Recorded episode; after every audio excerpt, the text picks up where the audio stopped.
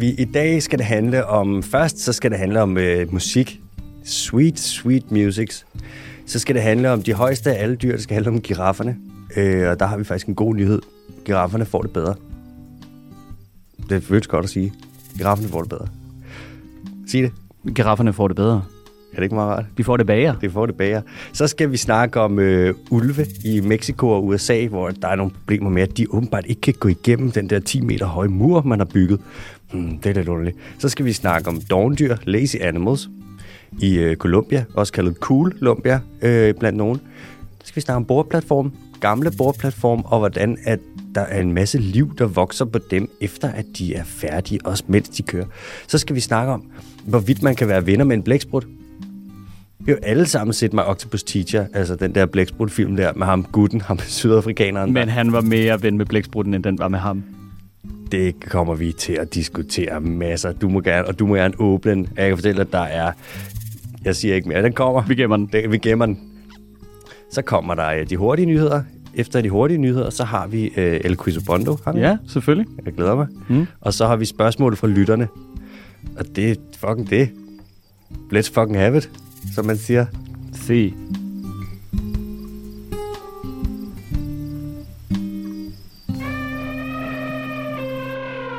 Nå, velkommen til Den Dyrske Teams podcast. Jeg sidder her, MBK, AH, tilbage i studiet. Masser af friske nyheder fra dyrenes verden.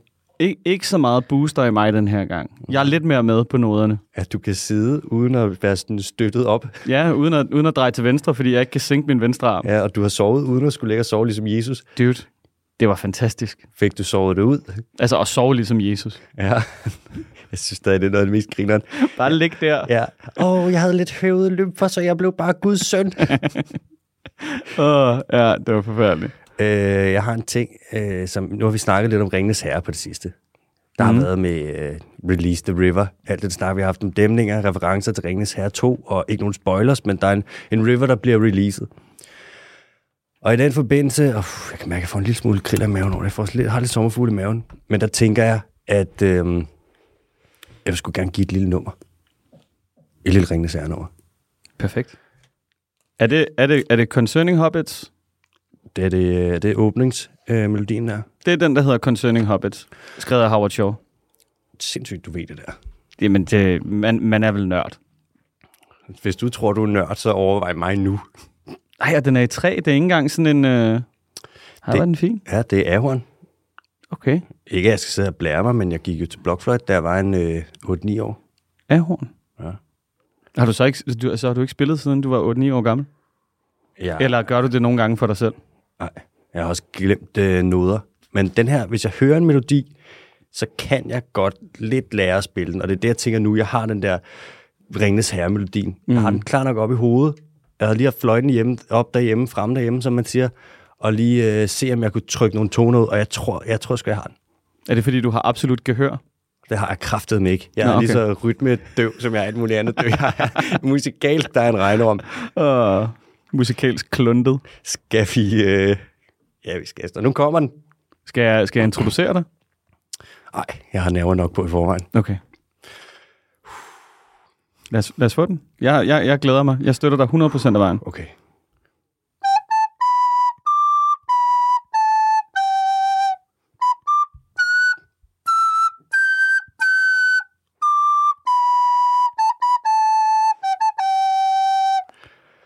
Det var fandme smukt. Det var, Ej, tusind tak. det var det.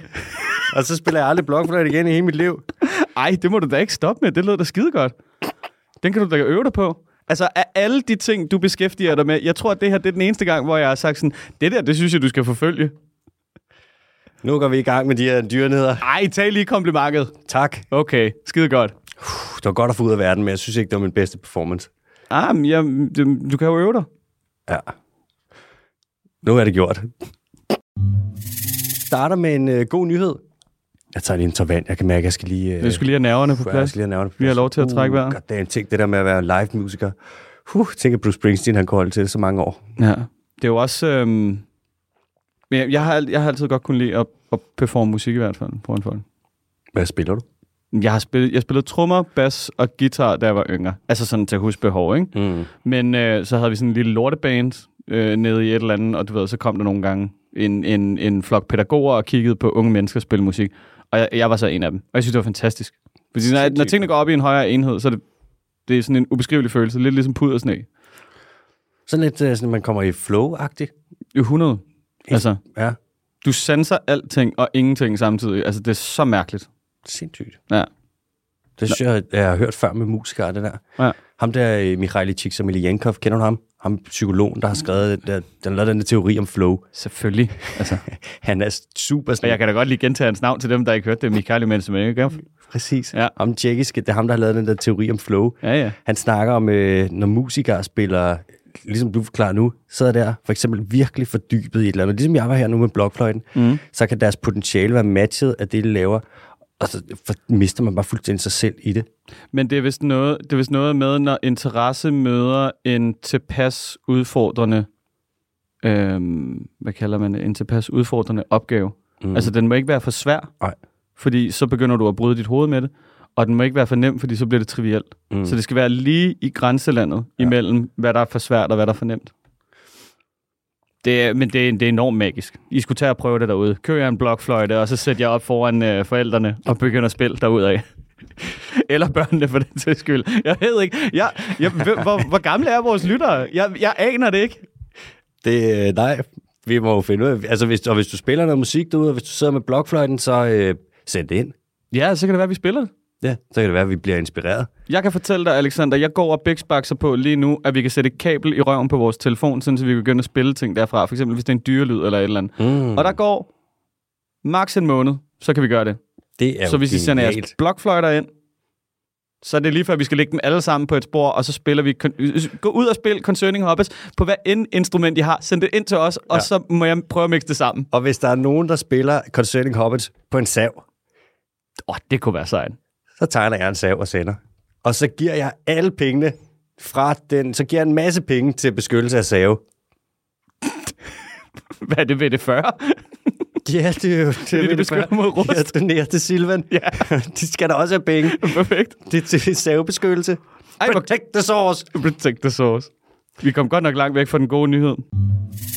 God nyheden kommer nu. Cool. God nyhed. Den gode nyhed, den handler om uh, giraffer. Giraffer, det er jo nogle høje dyr. Der findes øh, på papiret, så findes der en art af giraf. Og så er der ni underarter. Men øh, realiteten er nok nærmere, at der faktisk er fire arter af giraf.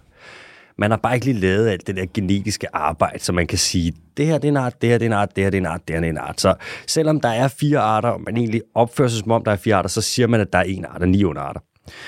Det er sådan lidt en omvendt spækhugger på en eller anden måde. Det er det faktisk. Ja. Det er igen, det er sådan en taksonomisk rodebutik. Sådan noget genetik møder øh, morfologi og alle mulige ting. Ikke? Og det er sådan, at giraffer, de findes jo i Afrika. Og de findes i en masse forskellige lande. Og i nogle af landene, der har de det sgu meget fint. Og i andre af dem, der har de det øh, rimelig stramt. Og så er der nogle lande, hvor man simpelthen ikke ved, hvordan de har det. I Sudan, der ved man ikke. Somalien, man aner det ikke. Etiopien, no ideas. Man kan ikke, øh, det er meget svært. Hvis vi skulle tage ned nu, Mathias, og lave feltarbejde, og vi skulle til Sydsudan, øh, så ville vi være lidt udfordret, øh, fordi der er, der er borgerkrig, ikke? Det er et farligt sted at være. Ja. Og så, hvis man render rundt dernede, to, det vil så være en medie- og tilrettelægger og en øh, blokfløjtspillende biolog. Hvis mm. vi rendte rundt dernede med vores kikkerter og skulle kigge på øh, giraffer, der vil nok, vi vil nok løbe ind i nogle udfordringer. Jeg tror ikke, vi er skide hammerne velkommen. Nej, det tror jeg måske heller ikke. Nej. Så mange af de her lande, der ved man simpelthen ikke, hvordan at girafferne de, øh, de har det. Der er nogle ting, der har truet giraffer. For eksempel habitatødelæggelse og fragmentering og krybskytteri. Man bruger åbenbart øh, giraffers haler til traditionel medicin. Og det øh, Traditionel kinesisk medicin. blandt andet, tror jeg. Okay. Og jeg ved sgu ikke, hvad den har for nogle helende egenskaber, sådan en hale der, men der må sikkert være et eller andet. Det kan ikke bare være sjov at bladre det hele, jo. Nej. Der er der garanteret noget med en tissemand, der skal være stiv et eller andet sted. Det er jo typisk det, man tænker, når man kigger på en giraf. Ja, ja. Tænker, skal det være Hvis virkelig, eller skal jeg min sniffe den der? tissemand, den kunne se sådan ud. Ja, bare den kunne have sådan en lille, lille dusk dernede på enden og hænge der. Det vil gøre mig så glad. Ah, for helvede. Øh, der plejer at findes cirka en million giraffer i Afrika. Dejligt tal. Og nu findes der øh, cirka 117.000. Og nogle steder, der har girafferne fået det bedre på det sidste. Der vokser bestanden. Øhm, og en anden ting, der gør, at man siger, at der er kommet flere giraffer, det er også, at man er blevet bedre til at tælle girafferne. Nå, for satan. Man er simpelthen begyndt at... Øhm, man har kameraer op, og så filmer man, hvor girafferne er henne. Mm. Og så har giraffer, de har jo øh, de der pletter der. Og de er individuelle for hver af dem. Så du kan lære øh, sådan noget Advanced Machine Learning, AI, står for Artificial Intelligence. Ja, Det kan du lære at genkende. Artificial Intelligence. Sean Carver. Det kan, du kan lære, det er ikke sjovt, det er sådan der. Du kan lære, øhm, du kan programmere alt muligt lort, og så kan du se, hvad for en giraf der er, hvad for en giraf. Det var jo det, du havde aller, aller, aller, aller, allermest, da du lavede dit special. Det var jo, når du skulle programmere ting, sådan så computeren kunne fortælle dig præcis, hvad det var, du kiggede på. Dude. Fuck, mand. Jeg har aldrig set nogen være så ked af det over, at de skulle gøre noget med en computer. Jeg har aldrig nogensinde, altså et komma, når du sidder og koder, kan ændre dit liv. Ja, så siger den bare, uh, cannot compute. og den forklarer det ikke. Så kommer den med noget kode inde i koden og siger sådan, computer says no. Og så snakker man med sin vejleder. er sådan, Computer says no. computer says no. Og og hvor? og så snakker man med sin vejleder, der siger, åh, kan du ikke bare google?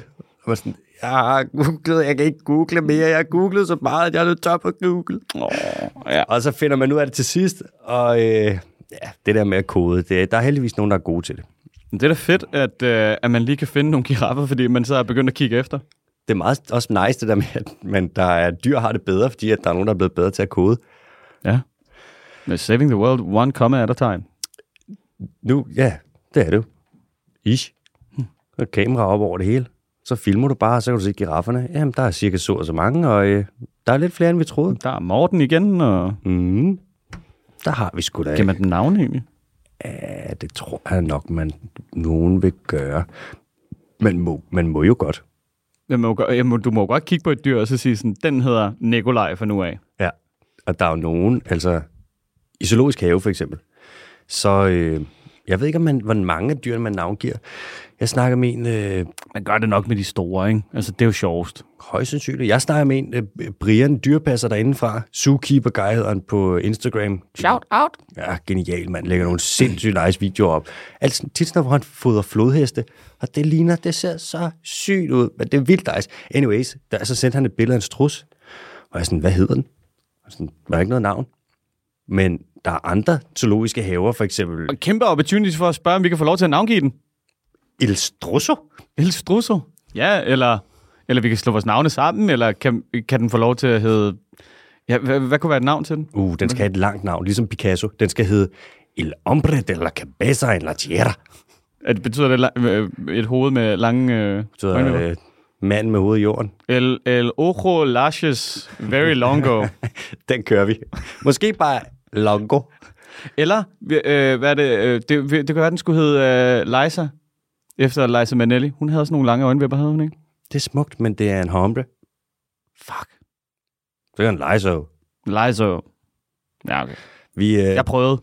Brian, du skriver lige ind, hvis du hører det her, så snakker vi lige sammen. Så kan det være, at vi skal have navngivet den strus der. Anyways, der er nogle zoologiske haver vi er over i USA, der ligger ind i Tennessee for eksempel, hvor de navngiver alle de ulve, de får ind. Der er det alle deres ulve, de har navn. El Wolfo. El Wolfe, så er der for eksempel en, der hedder Mr. Goodyard. Er lidt fjollet navn. Hvorfor ikke bare kalde den Michael? Ej, de der, nogle gange de der fucking amerikanere. Mr. Goodyard. Mr. Det er Goodyard. også fedt, fedt bare at hedde Mester til fornavn. Mm-hmm. Og så have et punktum med. Have et Ja. punktum i sit navn. Åh, oh, det vil jeg gerne have. Jeg har punktum efter navnet i alle mine spillelister. Ja, det ved jeg godt. Og folk spørger tit, så tit, så tit, så tit, fordi mine spillelister, det er en kondensation af bangles. Folk spørger altid om, hvad spillelisten er, så ser de, der er punktum, og så er de sådan, hvorfor er der punktum her? Og så er jeg sådan, det er fordi, at altså, navnet er slut. Der er ikke mere. Sætningen, den her lille sætning er slut. Min største spilleliste, Det er den mærkeligste måde at være hipster på. jamen det fungerer. Hvor- hvor- Hvordan fungerer det? Masser af followers. Okay. Synes du, det er sjovt? Ja, for jeg ved, du lyver. Nej, der er, der er masser af followers. Det kunne være, at jeg skulle lave en playlist med, hvor jeg bare sidder og spiller. Det kunne være lækkert. Øhm, Man navngiver i San Francisco. Var det det, du sagde? i, øh, jeg tror, det er Texas, de har en Texas. have. Der er navngivet.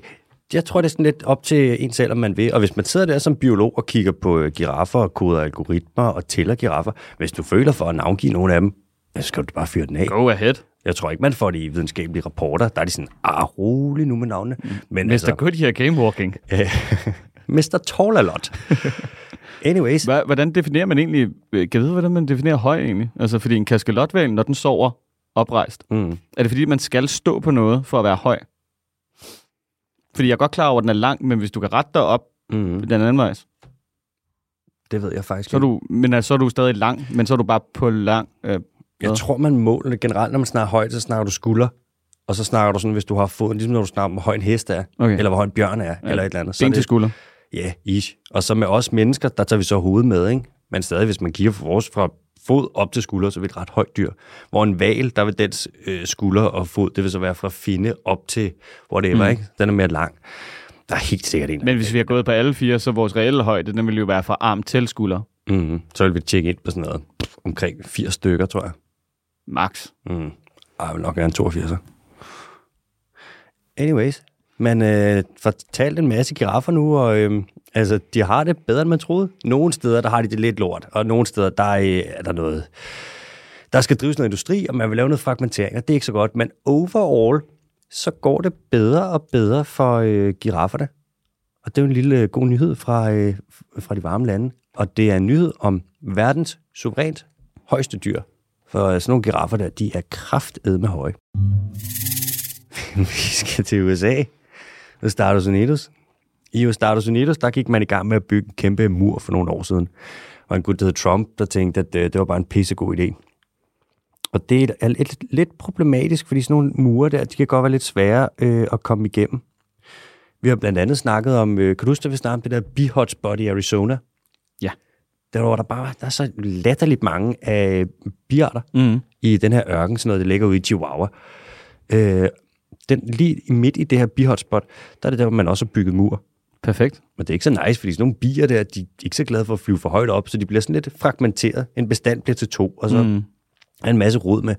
Og nogle dyr, der også bliver rigtig meget påvirket af, at man bygger en mur, det er store dyr. Fordi de ikke kan flyve. Ja, yeah, fordi hvis du er en ulv, eller en, En coyote. en coyote, eller en jaguar, mm. eller en pronghorn, eller bighorn sheep, så kan du simpelthen ikke gå igennem en mur. Mange steder i muren, så laver man sådan nogle små riller, sådan nogle små huller på sådan noget 10 cm, hvor små dyr kan gå igennem. Ja. Men store dyr kan simpelthen ikke komme igennem. Og det er der lidt problemer med nu.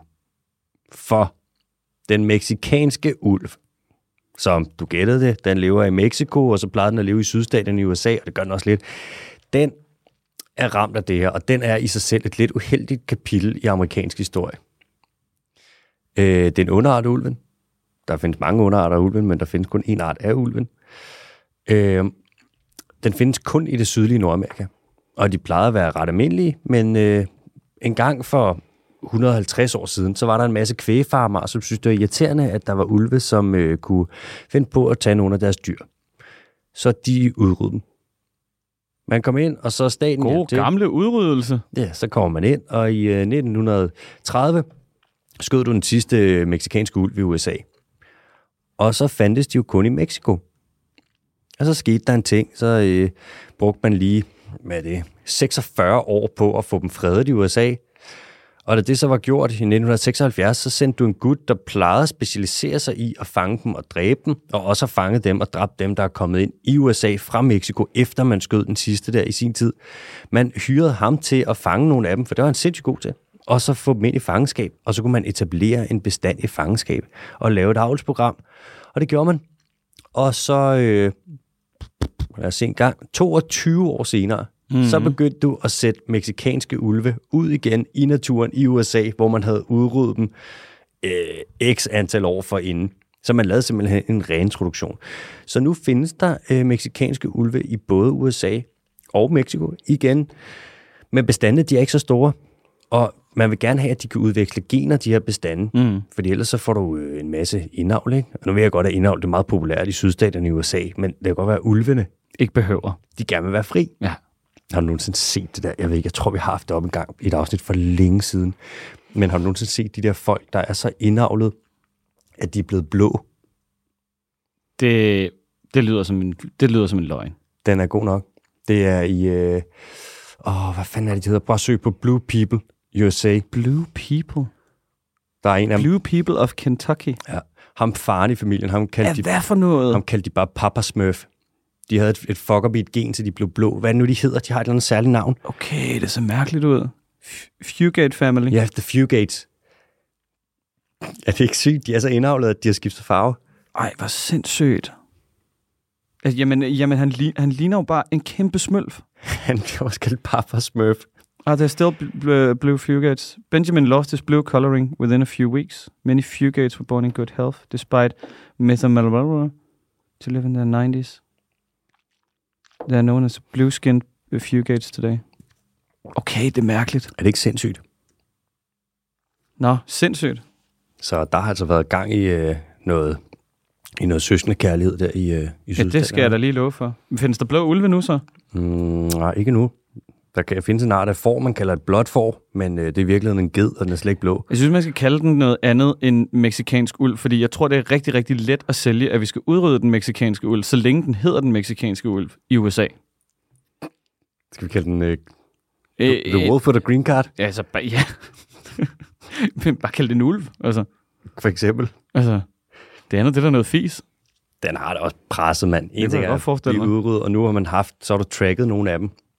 Så det man gør nu, nu har du en bestand i USA, mm. og så for at undgå, at den ikke bliver for indavlet, så når de får nye kuld med mm. unger, så tager du fra en bestand i en zoologisk have, så tager du nyfødte ulveunger derfra og putter ind i ulveflokken, mens forældrene de er væk. Mm. Og det er kontroversielt. Der er meget sådan, der er pros and cons. Der er virkelig nogen, der er imod det, men samtidig, så kan man ikke, altså hvis du ikke gør det, så er der stor chance for, at de vil blive så indavlet, at de jo bliver ligesom de der fugates, og det fungerer ikke. Hvad, øh, hvad er man så i gang med? Er man i gang med at slå et hul i den dumme mur? Nej, man er ikke i gang med noget. Nå, okay, fedt. Ja, man løser problemet ved, øh, at det løser jo sig selv. Det er strussen. Det løser sig selv. Hovedet i jorden. Hovedet i jorden. La tierra en el, en el tierra, hombre, cabeza, longo. Ja. Fuck. Så øhm, det er altså lidt et problem, det der med, når man bygger mure, og vi har det jo også lidt i, selvfølgelig har vi det i Danmark, der har vi vildsvinhegnet. Lad være med at bygge mur. Byg bro. Byg broer, på favor, byg grønne korridorer. Vi har vildsvinhegnet, ikke? som ikke virker i øvrigt. Vi vil betale 80 millioner skattekroner for at bygge et vildsvinhegn nede i syd i Sønderjylland. Vi fik da lov til at eksportere alle mulige lækre øh, øh, pigtråd og sådan noget. Det er til øh, Østeuropa nu her. Ja, ja. Var det ikke oveni, at de så havde bygget vildsvinhegnet, og så var man sådan, cool mand, vi skal også have noget af det der hegn. Jeg tror bare, det var en... Øh, jo, jeg tror, det er at Mathias Tesfaye, der sådan, han vil gerne føre en human flygtningepolitik, så han sælger pigtråd for 21 millioner kroner til, tror det var Litauen. Men det er et problem. Altså selvfølgelig er der det humanitære, det skal vi slet ikke ind på. Altså så bliver podcasten alt for bred. Men der er jo også bare det med alle dyrene. Dyr kan ikke gå igennem pigtråd. Nej. Det, er meget, det gør vildt ondt, Mathias. Ja, det er, så, det er slet ikke særlig fedt. Man skulle næsten tro, det var for at holde ting inde eller ude, at man brugte pigtråd. Det er sygt, det gør så ondt, at man kan dø af det. Der er en film, den der med Brad Pitt, den der, hvor han er i krig og sådan noget, hvor hans bror bliver fanget i pigtråd. Og det kunne have været en dokumentar, ikke? Det ser ud som om, det gør sygt ondt at sidde fast i pigtråd. Og hvis du så er et menneske, eller du er en hjort, det kan da være det samme. Hjort. Hjorten Morten. Ja. Au. ja. Nå, så øh, lad være med at bygge store mure ude i naturen. Nu skal vi til, øh, nu skal vi til Colombia. Okay. Nu Nej, det, hvor, hvor, hvor befinder vi os henne? Hvad skal vi i Colombia? Vi skal øh, kigge, vi skal snakke om et dyr, der findes i Colombia. Findes også andre steder, men det findes i særdeleshed i Colombia. Okay. Faktisk. Et par, et par arter. Øhm, først lige hurtigt om Colombia, så er det jo et land med vanvittig biodiversitet. Colombia, Ja, det de er, passer ret meget på det, har du sagt, ikke? Jo, Eller det- prøver i hvert fald. det gør de. De har nogle udfordringer, men som udgangspunkt, der har de virkelig, øh, der sætter de ret hårdt ind. Mm. Både for at passe på det på land og også til vands. Og så havde de jo hende der miljøministeren på et tidspunkt, der var kæmpe miljøforkæmper. Jeg kan ikke huske, hvad fanden hun hed, men hun er så sej, mand. Var det ikke øh, Rosa eller sådan noget? Mm, jeg kan sgu ikke huske det. De har også, de har nogle park, de har en park, der hedder Chiribiquete, som er, den er lige så stor som Danmark, og det er kun be, det er beskyttet natur, hele lortet. De har alle, i Colombia, der har de alle habitater. Altså, de har mangrove og tågeregnskov, de har lavlandsregnskov og savanne og ørken. Så har de det der paramo, det der underlige habitat, der sidder og fungerer som en svamp langt oppe i, sådan lidt oppe i højden og holder på fugt og ligesom giver vand til, jeg ved ikke, hvor stor en del af Colombia.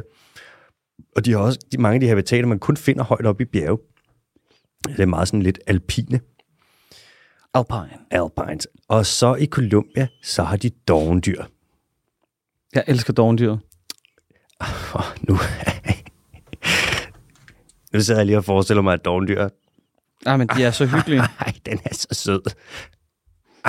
Ej, ej Mathias, du forestiller mig, at du sidder og rider oven på dovendyret. du er dovendyrs cowboys. Ej, hvor er I søde. Den smiler. De er pisse søde. De ser ud, som om de smiler, men sådan er deres ansigt bare. De smiler slet ikke, Mm. og de stresser faktisk ret nemt. Ja, eller hvad? Ja, det gør de. De, Nå. er, de lever langsomt. Øh, de fordøjer langsomt. Dovendyr kan have, fra de spiser et eller andet, nogle blade, og til de skider det ud, der kan det være en måned om at komme igennem deres system. Okay, tag det lidt roligt. De har, de har fire maver, og de har så meget, de spiser så langsomt, eller de fordøjer så langsomt, så når de er allermest propfyldte, så kan det være 30% af deres kropsvægt, som består af lort, der ligger i tarmene på dem. Det er et underligt... Altså, det svarer til, at et menneske på 60 kilo, i virkeligheden kun meget 40 kilo, men rendte rundt med 20 kilo lort i maven. Fuld af lort. Fuld af lort. Øhm, der er to overordnet to øh, familier af dovendyr. Der er de totogede, og så er der de tretogede. Og de findes kun i Latinamerika begge to. Og de totogede, de har egentlig også tre tær på bagbenene, så de burde hedde de to tretogede. Men det er bare ikke sådan, to tretogede, det lyder som sådan noget, man siger, når man skal ind på en station. Hey, hvornår går øh, to tretoget?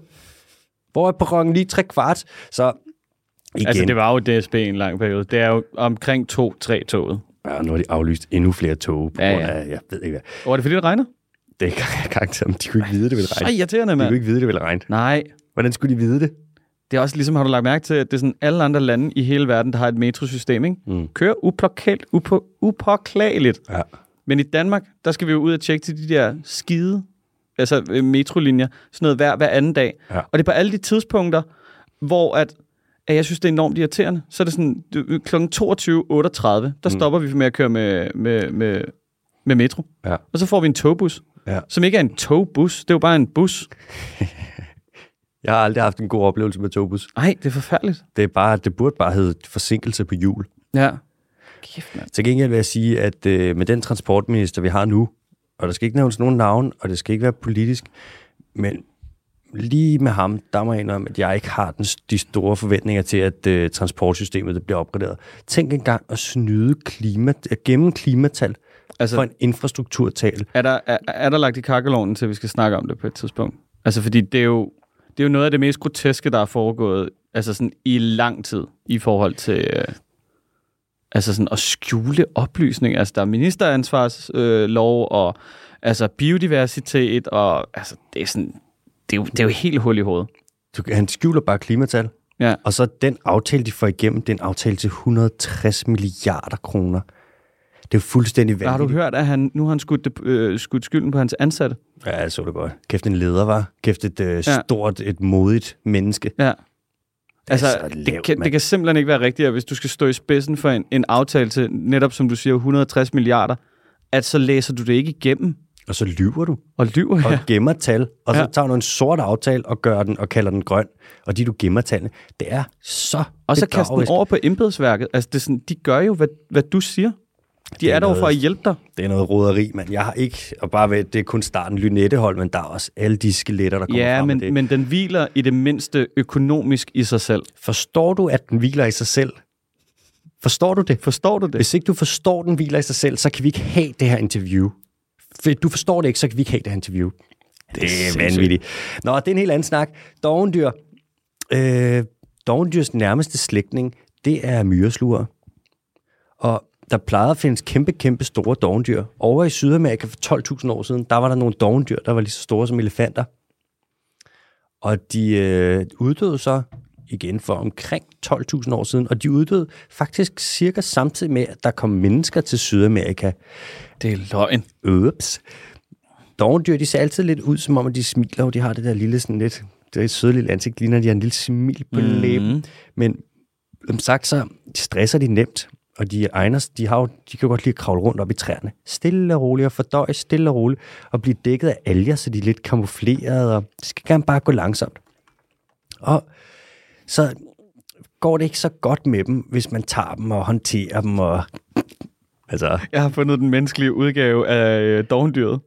må jeg se. Fordi at, du ved, det er den her meme. Nej, det er da rigtigt. Kan du se, ja. det er ham der, der smiler i smerte, du ved, så Ja, ja. smiler, men det er ej, hvor gør det ondt ind i det er hjertet. gamle, det er ikke engang løgn. Ja, det, kan vi, lad os, lad, det kan vi lige smide op, sådan, så I kan se, hvad det er, vi mener om her på Vi mandag. smider det lige op. Ja. It's a sloth. Slap. Nu er det sådan med dovendyr, at der er et problem med dovendyr og kæledyrsindustrien lige pt. over i øh, Colombia. Øh, og der er det sådan, at man, der er krybskytter, som fanger dovendyr, og så øh, dovendyrs babyer, og så sælger de dem. Og der er over i Colombia, der er der en, et kartel, altså der er en gruppe, der arbejder med det her. Og det underlige er, at der er en gut, som står bag nærmest hele det her dovendyrskartel i Colombia, en gut, der hedder Isaac Bedoya. Og jeg har siddet og læst lidt om, øh, der har været nogle sager nu, man har prøvet at putte ham i spjældet og sådan. Og det hele, Går han fri, fordi han bare er en god gut? det er jo håndteringen af det her, ikke? Mm. Det er det mest udulige stykke kriminalarbejde, jeg nogensinde har set. Bræk det ned. Vi mangler noget true crime. Det er så uduligt. Altså, det er så uduligt. Kør på. Først så finder man ud af, at han ind over en periode på omkring 25 år har solgt omkring 10.000 dovendyrsbabyer. Det er meget. Det er rimelig meget. Så overvåger man ham. Man har folk ude, der sidder ude og ser, sådan, de sælger dem i vejkanten. Så er der nogle folk der, som er hans ansatte, og de kommer rundt, og han er der hele tiden. Han er totalt altså, infiltreret. De har alt materiale. De kan se, at han bare står og sælger dovendyr til folk, der kører forbi, turister. Mm. Så kører man op, laver man den helt dyre der, tager man en bil, sætter du en panser og en øh, civil ind, El Capo. El Cabo, og så kører de op, og så øh, lader de som om, de vil købe dovendyr. Mm-hmm. Og i det øjeblik, han kommer over Isaac Bedoya med dovendyr, så siger de, "Ha, skal du kræfte med ikke have gjort capron? Nu er du ind og spjælde den. Så tager man ham, smider, så kommer han i, øh, så afventer han en retssag, og mens at han afventer at blive taget i retten for det her, så bliver han taget i at sælge dovendyr igen. Men Ej. det, de politimænd, der tager ham i det, de lader ham gå fri. Så kommer han i retten, Hvorfor det? Jamen, det kommer, og så. Nå. bliver han idømt fem års husarrest, hvor han skal rende rundt, og han skal have fodlænk på. Men, som de siger i Colombia, en ting er at idømme nogen, at idømme nogen en husarrest, noget andet er at sørge for, at de overholder den. Og det gør ham med Bedoya ikke. Han gjorde præcis det, han plejede, og så har, de været, så har der været nogle journalister ude og undersøge sagen, og de har været i den by, han ligesom huserer i, hvor at det er meningen, han bor. Og der griner folk lidt, og så er de sådan, ja, Bedoyas fodlænke, ah, den har det med at løbe tør for strøm. Den sidder bare fast på en ko. ja, garanteret. Så nu er han på fri fod igen. Altså, han er dømt, men han retter bare rundt, som han plejer. Og så læste Men jeg, det er så, også irriterende, at man ikke kan få lov til at gå ud og hygge sig lidt. han sælger jo bare dyr. Ja, ja. Skal vi så også lukke alle dyrbutikkerne? Det ved jeg ikke. Skal vi så også, altså, skal vi så også lukke, hvad med planter? Hvem siger overhovedet, det er ulovligt at sælge de dovendyr? Og hvorfor skal vi altid lytte til loven og autoriteterne? Og hvem ved, om problemet er dovendyrene eller vaccinerne? Det kan jo godt være, at han i virkeligheden er et uh, adoptionsbyrå. De kommer til ham og siger, I cannot take care of this. This baby. Og han snakker flydende sloth. Ja. Der er en ting, der spiller ind i det han er lidt... Altså, der er en masse variable. Det, det er kompliceret det her, fordi det foregår i Colombia. Mm. Der er i det område, hvor han har solgt flest dovendyr, og hvor de har været ude og høste dovendyrene fra skoven, der er der en, øhm, et, en kriminel organisation, transnational, altså over, Mm. der er over grænserne, som hedder Clan de Golfo, Nå, god gammel. og det er den største af sin slags i Colombia. Ja. De er ret store. Altså, de, øh, jeg tror ikke, de har så meget. Jeg ved ikke med sådan nogle kriminelle organisationer, og hvordan de har det med loven. Anyways, de øh, har Du plejer at være fucking ligeglad. Rimelig meget. De lever rimelig meget af at være ligeglade. Ja. De opererer i det her område, og de sætter rigtig meget pris på, hvis de her krybskytter og sådan nogen som Isaac Bedoya, de giver besked om, hvor der er politi og hvornår, og hvis de render rundt ude i skoven, et eller andet afsæt, de ser en politibil, og de lige er sådan, hey, der kommer politi nu, så sætter de pris på det. Så, så kan de så til gengæld øh, også samarbejde lidt med politiet, og for eksempel sige til politiet, at Isaac Bedoya der, ej, han har ikke gjort noget. Det er den forkerte, har fat i. Nej, nej, I snakker om en helt anden. I har ikke set ham sælge 10.000 dovendyr. I har set Nå. ham sælge 0 dovendyr. Han solgte candyfloss. Det er bare jer, der har dårlige øjne, fordi ellers så slår vi jer ihjel. Så kan de sige sådan nogle ting.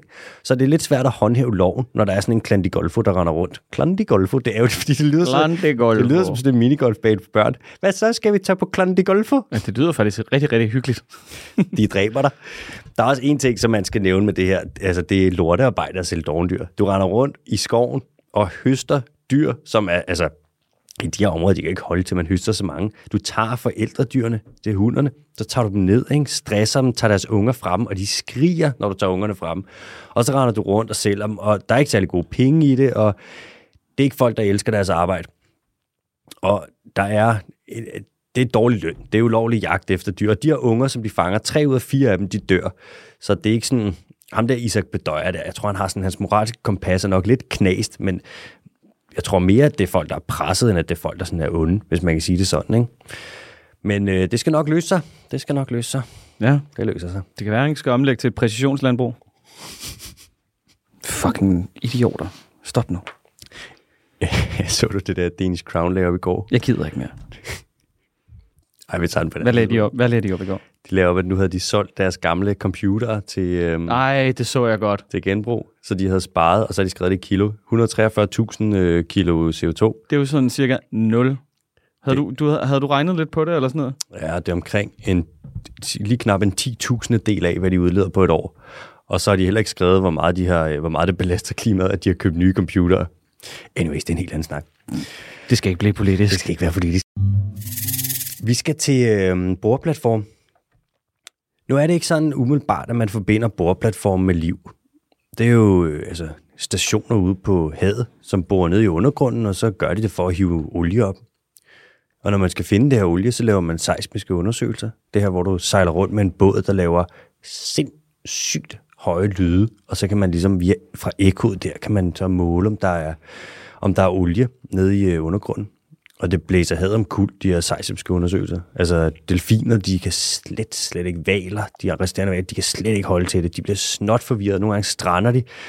Fisk kan ikke holde til det. Der er rigtig mange dyr, der bliver påvirket af det. Anyways, når man så har lavet de her undersøgelser, fundet olien, så hiver man olien op, og så brænder man det af, og så er det så den primære drivkraft, drivkraft bag en, øh, en klimakrise. Ikke? Så olieplatform, det er ikke lige det grønneste, man kan forestille sig.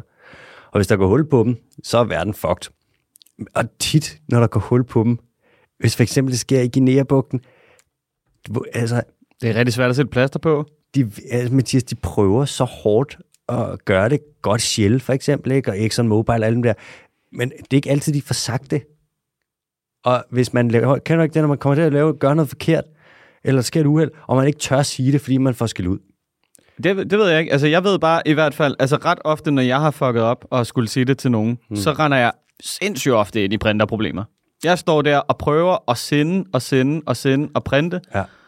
Altså, og det virker bare aldrig. Men, De modtager aldrig faxen. Jeg får aldrig printet det ud, hvor jeg skal skrive undskyld. men hvad hvis du sender faxen, og de bare ikke har en faxmodtager? Det, jamen, så, er det jo, ja, så har jeg jo sagt undskyld. Shell, Det er lidt viske det ind til sig selv. Ah, fuck, man, vi fuckede op. det er jo fint nok. Altså, vi er jo alle sammen interconnected, så må de andre bare lytte lidt mere efter. Idioter. Boreplatform, de er, ja, det er lidt noget råd. Hvis der kommer olie ud i havet, så er det ikke så godt. Det er jo ikke, altså, det er jo havet, det er jo ikke en pastaret. Der skal ikke smaskes olie i. Men nu viser det sig, at øh, livet det etablerer sig på gamle boreplatform. Det er jo sådan ude i havet, at der ikke altid er noget, man kan sætte sig fast på, fordi at der bare er, det er jo bare vand. Altså det meste af havet, det er jo et par kilometer dybt, ikke? Så hvis du vil sætte dig fast på bunden, der er jo hverken lys eller noget som helst. Så hvis du er en lille larve, en lille korallarve for eksempel, eller en muslinglarve, eller en, en krabbelarve, eller en lille bondolarve, eller hvad ved jeg, mm. og du flyder rundt. Så en laberlarve. Egentlig, hvis du er en laberlarve, så er det meget nice, hvis der er et sted, du kan lande og starte dit larveliv og blive en voksen larve, som så bare er et dyr, der ligesom er i et af sine voksenstadier. Og det kan for eksempel være på en boreplatform.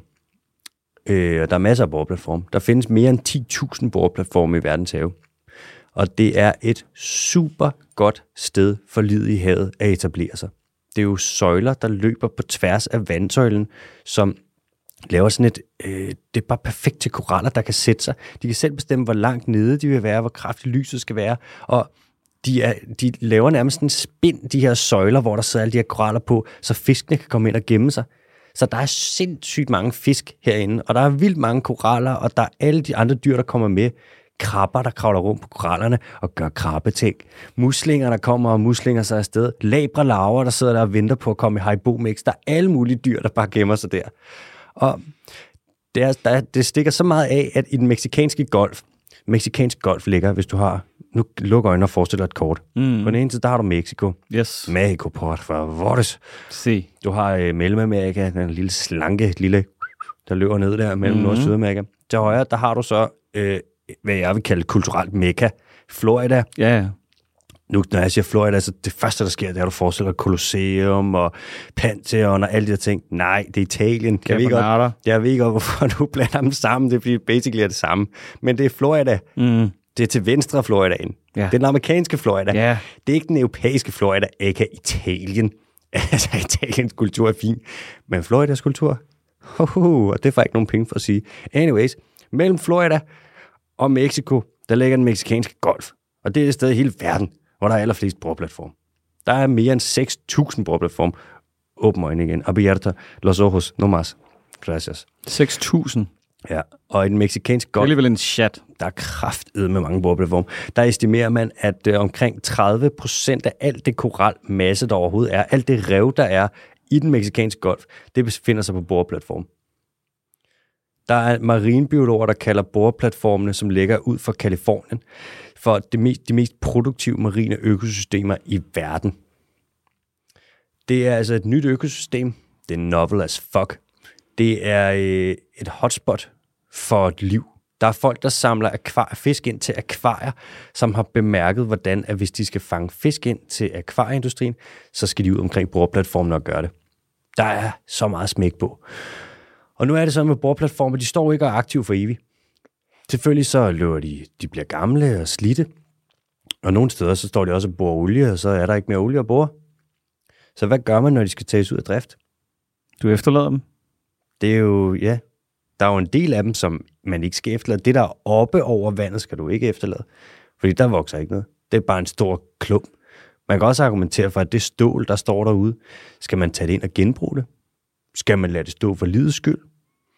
Det er fucking dyrt at fjerne boreplatform. Der er mange, der er nogen, der har lavet sådan en lille trick, hvor at de har boret rigtig, rigtig meget olie op, og så i det øjeblik, at de skal til at fjerne deres boreplatform, så lige pludselig så er de bare out of business. Satans. De erklærer sig konkurs, eller de opløser firmaet, og lige pludselig så er de sådan, ja, yeah, det var jo firmaet, der stod for det, men nu er vi bare en flok privatpersoner tilbage med en masse penge. Skulle da også uheldigt, at man løber tør for penge lige der, hvor man skal tage ansvar for det, man har gjort. Ja, yeah, men altså, det kan være igen, printeren, Printeren. et eller andet. Der kan være mange, mange, mange ting. Når man skal fjerne bordplatform, så skal du have folk ud med, de saver dem væk med motorsav under dykker, der skal langt ned og save, og de bruger diamantklinger dødt. Diamant. Jeg ved ikke engang hvorfor. Og det er bare for at være flashy. Kan man ikke bare svejse det, eller sådan noget? Eller smelte det, eller? Uh, uh, skal være diamant. Det skal være diamant. Ja. ja. Skal ned og grave i Afrika, for at bore noget i stykker. Yes, du skal til Angola, finde ædelsten, sende nogle papirer som til nogen, få nogle penge fra mm. EU, og så skal du over og lave... Der virkede printeren sjovt nok. Ja, det gør den tit. Ja. Ja, nogle Når det, når det er husker man- profit, så er, det, så er der... så kan man sende mails i stedet for Ja. fax. Mm. Anyways, nu har man en diskussion, hvor man, man, man diskuterer, hvorvidt øh, borgerplatform de bidrager positivt, eller når de bidrager positivt til marin biodiversitet, er de så helt dårlige? Og det er jo ironisk, for de her boreplatform, som, øh, altså, hvad siger man, giver anledning til, at vi kan have en klimakrise, det er dem, der forårsager allermest død blandt koraller, fordi at klimakrisen, vandet bliver varmere, korallerne bleacher og dør. Samtidig så er det et nyt hjemsted for korallerne, så korallerne begynder at bo på det redskab, det værktøj, der bidrager til, at de dør. Det er underligt. Der er miljøforkæmpere nu, som kommer ud og siger, vi skal have korallerne væk, fordi at de ikke vil have boreplatformene.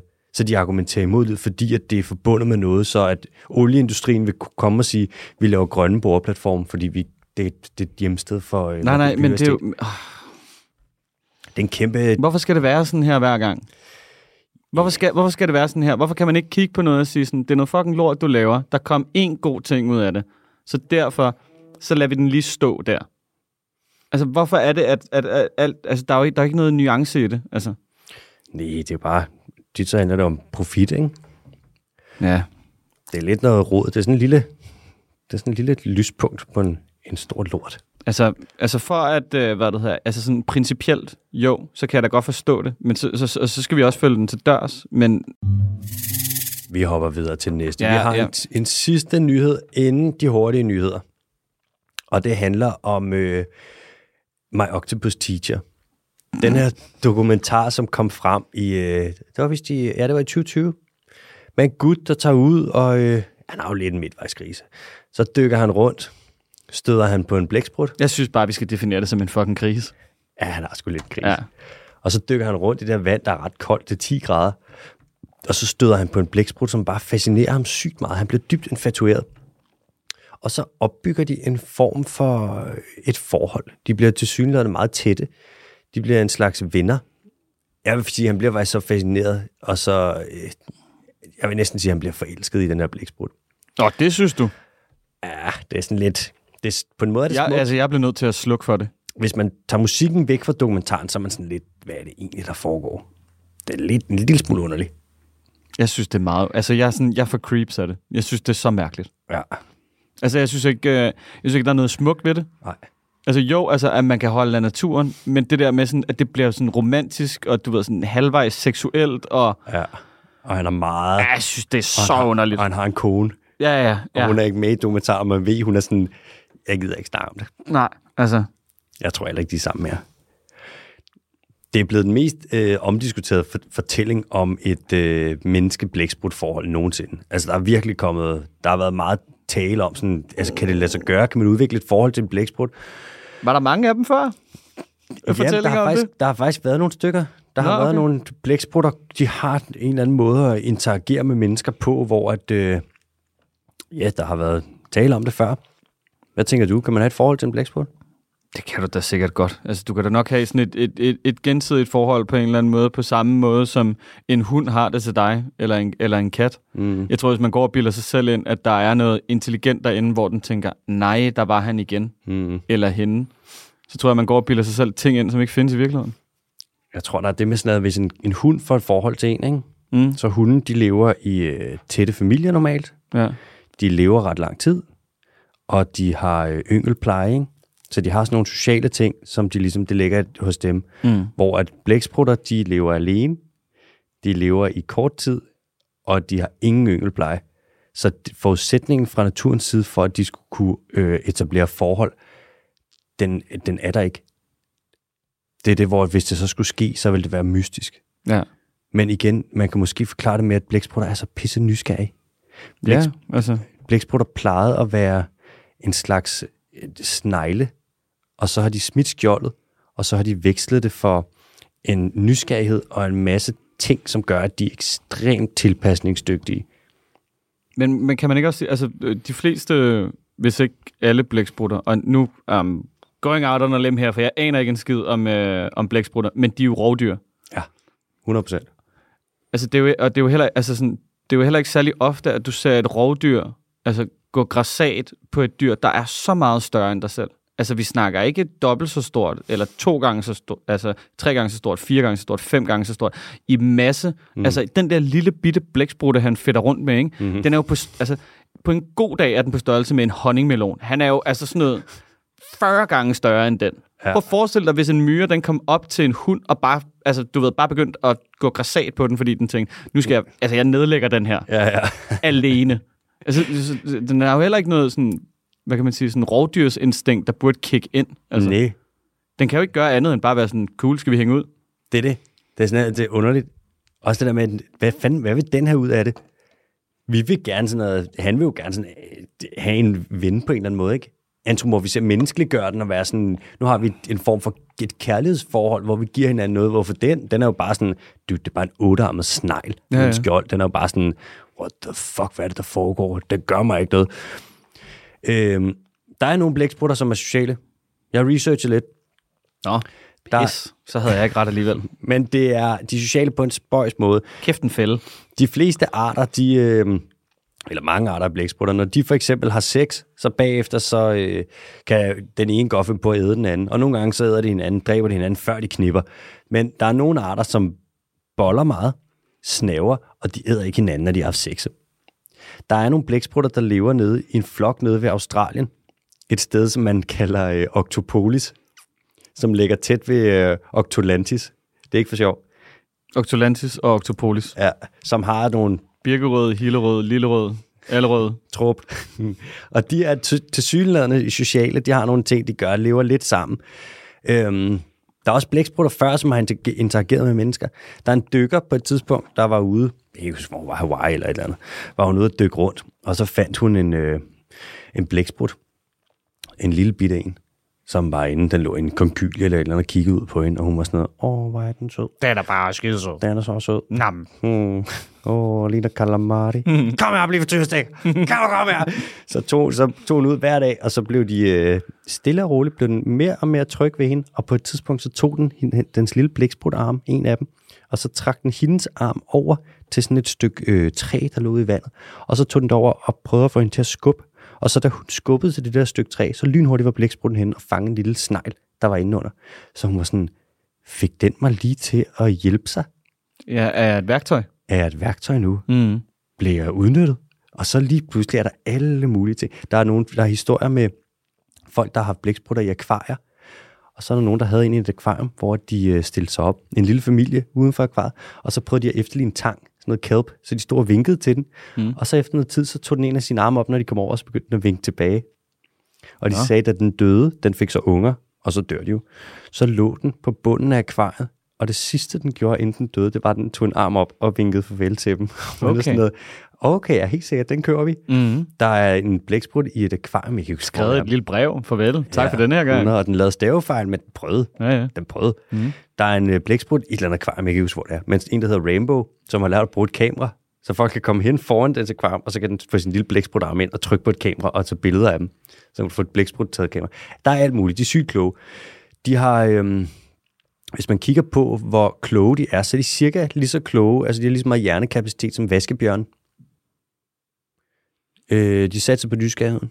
De, deres kropsmåde fungerer på, deres måde at bruge DNA på, har vi været kort ind på. Lidt ja, det kompliceret er super mærkeligt. kamuflagen, intelligensen, det er de ultimative små øh, eventyr. De er for vilde. Vi forstår dem ikke.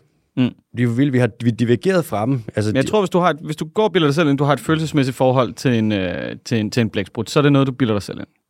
jeg tror, du har ret. Og jeg vil, jeg vil gerne se bevis for det, før jeg sådan skifter mening. Og hvis der kommer bevis for det, så tager vi det fandme op her. Ja, ja, ja, ja det skal vi da nok. Men oh, jeg synes, det virker mærkeligt. Det er cirka 600 millioner år siden, at vi divergerede fra dem på livets træ. Så vi er long gone. Jeg altså. huske det, som var det i går. Vi skal til de hurtige. Cool. Is you ready?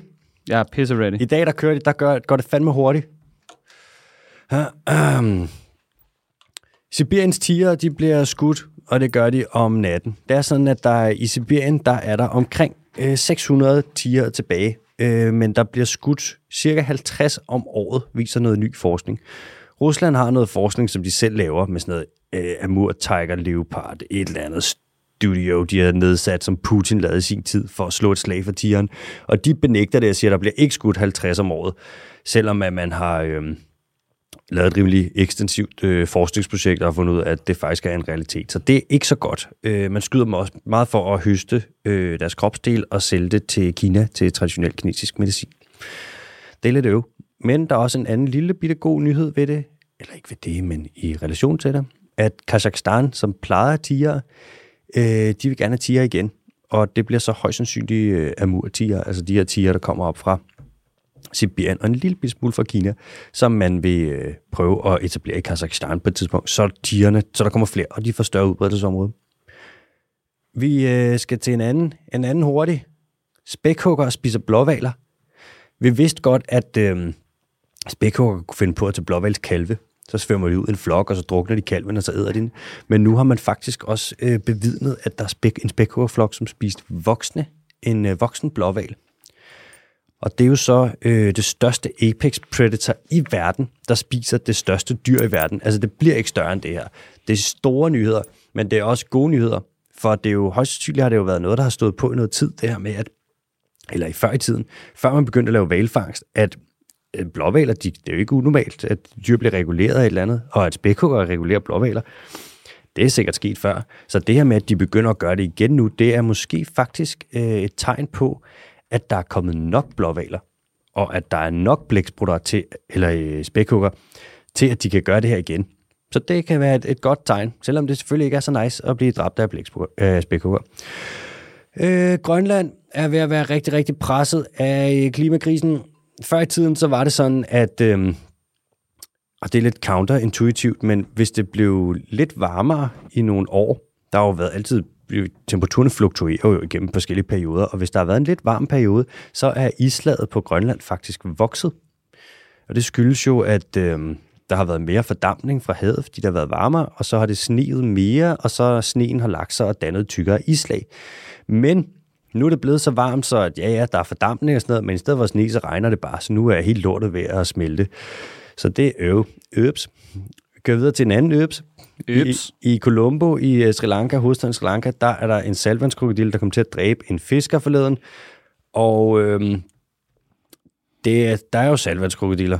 Det er et dyr, der godt kan finde på at spise mennesker, og det er bare ikke så nice, når det sker tæt på hovedstaden, for så bliver der pludselig en masse snak om, at hvad fanden gør vi så med de her dyr, hvis de er så farlige, og hvis de er så tæt på os. Så nu skal man til at flytte dem rundt, og det fungerer ikke særlig godt, og det er pisse dyrt, og det ender nok med højst sandsynligt ved at gætte på, at der er nogle krokodiller, der kommer til at blive skudt. Ikke nice. Og så den sidste hurtige. Det går hurtigt i dag, ikke? Mm-hmm. Australien har lige afsat 3,3 milliarder kroner til at beskytte Great Barrier Reef mod klimaforandringer. Det er fucking dumt, mand. Hvorfor i alverden stopper de ikke bare med at udlede så forbandet meget i stedet for? Australien er giga kæmpe lobbydrevet, når det kommer til fossile brændstoffer, altså kul og så videre. Kæmpe svin, at de sætter penge til at beskytte Great Barrier Reef nu, i stedet for at bruge penge på at reducere deres udledninger. Det er totalt dumt. Det er ligesom at så skyde sig selv i foden, og så investere penge i, at ah, jeg skal skulle have et rigtig fint plaster til min arm, hvis jeg river mig. Det er, øh, ja, det lyder godt på papiret, så er det sådan noget, uh, store tal, et eller andet, men i virkeligheden, så er det bare sådan en lille bitte greenwashing, whatever. Det var de hurtige. Det var de hurtige. Nu giver jeg ordet over til dig. Skal vi have en lille quiz? Mm. Jeg har tænkt, jeg har tænkt mig at tage den øhm, altså fra, fra dyrets perspektiv i dag. Så alting er i, øh, er i jeg-sætninger. Fedt. Ja. Øhm, så du kan også stille spørgsmål undervejs. Sådan lidt opklarende, hvis du lige har sådan noget. Sådan, Åh, oh, det ved jeg ikke helt, om giver mening det her. Øhm, det er jo quizzen, hvor jeg har øh, fundet et dyr, hvor der er en, øh, hvad der hedder, spøjs, hvad kan man sige, øh, en lidt spøjs fakta forbundet med det. Og det er det første stykke fakta, du får, og så får du efterfølgende fem andre ledetråde. Det vil sige, der er seks point på højkant. Og jeg må stille spørgsmål? Ikke mange, altså. Nå, okay. Du må gerne spille et opklarende spørgsmål, ja. men ikke sådan, du ved. Okay. Okay. Jeg har en af dyrerigets højeste lyde. Brølab. Nej. Kaskelotval. Nej. Er det på land eller til vands? Det er til vands. Fordi når jeg skal hygge mig, så graver jeg mig ned i havbunden. Når jeg rigtig skal hygge mig. Ikke rigtig skal hygge mig. Men når jeg skal hygge mig. Er det en val? Nej, det er det ikke. Graver de så ned i havbunden? Nej. Nå, okay. Nå, men så er det tæt på. Er der to spørgsmål? Ja. Øh, er det en slags musling? Nej, det er det heller ikke. Eller det tror jeg i hvert fald ikke. Nå, er det en mantis shrimp? Det kan godt være. Det er ikke det, jeg har på papiret her. Den har en særlig evne til at regenerere bestemte kropsdele. På mit papir, der står der knipsereje og pistolreje. Det er en mantis shrimp. Er det mantis shrimp? Ja. Pistol shrimp. Og det er slet ikke en reje. Og det er heller ikke en knæler. Nå, hvad er det så? Det er et eller andet, andet slags krabstyr. Det er det, der kan slå hårdest af alle dyr overhovedet. Jeg er ikke særlig lang. Jeg er sådan cirka 3-5 cm. Og så er det ikke en mantis shrimp. Min lyd er så høj, at det driller i forbindelse med anti-ubådsradar. What? Og den er 3-5 cm. Jeg er på en måde havets Lucky Luke. Fordi den, altså, jeg tror, det er en mantis shrimp. Det er den der, der ligesom, den har sådan, altså ligesom når man normalt, når man normalt har klør, ja. Ja. det ser man på de der krabstyr, så har den åbenbart, altså sådan en form for klods i stedet for en klo, og så skyder den den ud, og så skyder den Altså sådan en supersonisk lyd og luft ud mod byttet, eller sådan noget. Altså sådan fuldstændig lille, vanvittigt. nærmest sådan en lille sparkehammer-ting. Ja. Den bevæger den så hurtigt, så den kan lave lys. Altså, det er helt fucked. Ja, altså mantis shrimp, det må, det må næsten være den samme shrimp, vi snakker om. Men mantis shrimp, de er ret store. Er du sikker på det? Ja, det er. Okay. Altså, jeg havde bare pistolregn. Pistolrej. Ja, altså, det var bare, hvad jeg havde. Mantis shrimp, øh, carnivore, marine, crustaceans, in order, bla, bla, bla, bla, bla. Ja, while a few can, de kan blive op til 38 cm. Hvor, Okay. mange, hvor mange point fik jeg? Du fik jo ikke nogen, fordi du sagde mantis shrimp, og så gav jeg... Øh, Fuck. pistol shrimp. Men kan jeg vide, om det er det samme? Pistol shrimp? Det kan sgu godt være, det er det samme. Hvem ved? Altså, det, det, det er en... Taxonomi, du. Ja, Det er en rodebutik. nå. Skide hul i det. Skal vi til spørgsmålet fra lytterne? Det synes jeg. Vi har nogle rigtig gode den her gang. Vi starter med et øh, spørgsmål fra Nicolas Okuti, som skriver, Diskursen i det, I laver, er seriøst så dejlig. Tænker tit på, hvordan I kan have så positiv en tilgang til situationerne og holde så positiv en tone, når det, I snakker om, tit er helt ud af skide, for at sige det mildt. Det må I godt quote mm. mig på og tage en Q&A, hvis det er. Jamen, øh, tak. Ja, tak for det. Tak for de pæne ord. Hvad fanden skal vi sige til det? Hvis vi prøver jo at hygge os jo. Jeg tror, det, jeg tror, det har noget at gøre med, at det er sådan, øh, den der ironiske distance, som vi har, vi har snakket om et par gange, at man, sådan, man begynder sgu næsten at tude, hvis man skal tage det. Altså så seriøst, som det i virkeligheden ser ud på Mm. alle mulige forskellige parametre. Um, jeg tror også, det er fordi, at, at vi kan se noget, noget ironi og noget hyggeleri i det ret ofte, og det har vi det jo ret sjovt med. Mm. Og så bliver det også mindre prædikende, hvis man bare lige kan sidde og lytte lidt med og være sådan, ja, øh, Dan Jørgensen er en, øh, er en, en, en klimafrikadelle, eller et ja. eller andet. Altså, Lidt klima, klimakotelet. klimaklaptorsk. vi kan jo også godt, vi hygger os jo også. Så er vi jo Det må også, man sige. vi er jo også sådan en... Øh, jeg synes, det er nogle gange, det der med sådan noget, så laver vi oplysning, ikke? Så snakker om sådan nogle af de her ting. Det er også sådan en, på en eller anden måde, ikke en, jeg ved ikke, om jeg kan kalde det en vigtig opgave, men det er også et nødvendigt element. Så sidder vi og snakker om nogle af de her ting, som er sådan lidt, så kan det være, at du lytter, du lærer lidt af det, og kan tage stilling til nogle af de her ting, og så øh, kan man sige, så har vi jo gjort noget godt. Ja, altså, Det det men, det, men det binder så også rigtig meget op på det, øhm, det mantra, du ligesom byggede den dyrske team op på, dengang du bare tegnede det der med, at du ved, hvis jeg kan formidle det på en lidt sjov måde, og du begynder at holde mere af dyrene, så kan det være, at du begynder at gå mere op i naturen, og du ved, Mm-hmm. trip-trap. Og så er det bare grineren at lave sjov med ting, der er helt fucked. Det er jo tit det, der er bedst at være overoptimistisk, når man ikke skal være det. Det kan også bare være sjovt. ligesom på ting, hvis vi havde været Frodo og Sam, og vi havde været på Mount Doom og vågen der, efter sådan en rigtig dårlig, og du havde bare spist lambasbrød i to år, og du var sådan, ej, fuck, jeg savner slet ikke Gollum. Og så være sådan, nå, men altså, det kunne godt være endnu koldere. det håber jeg var svar. Shout out. Sød. Så har vi øhm, et spørgsmål fra T. Randrup. Jeg ved ikke, hvad tid står for, om det er Toge, eller Torben, eller Ture, eller, Tove. eller Tove, ja, det kunne det også være. Og det er sådan en hombre, Nå, okay. øhm, som siger, jeg har hørt jeres gennemgang af verdens skov tilst- skovs tilstand. Det er så den gennemgang, jeg lavede af øh, skovene for øh, 2021. Bedste øh, gennemgang, der overhovedet er lavet i år, fra nogen overhovedet. Muligvis den eneste også, men øh, Hvad er den bedste? ja.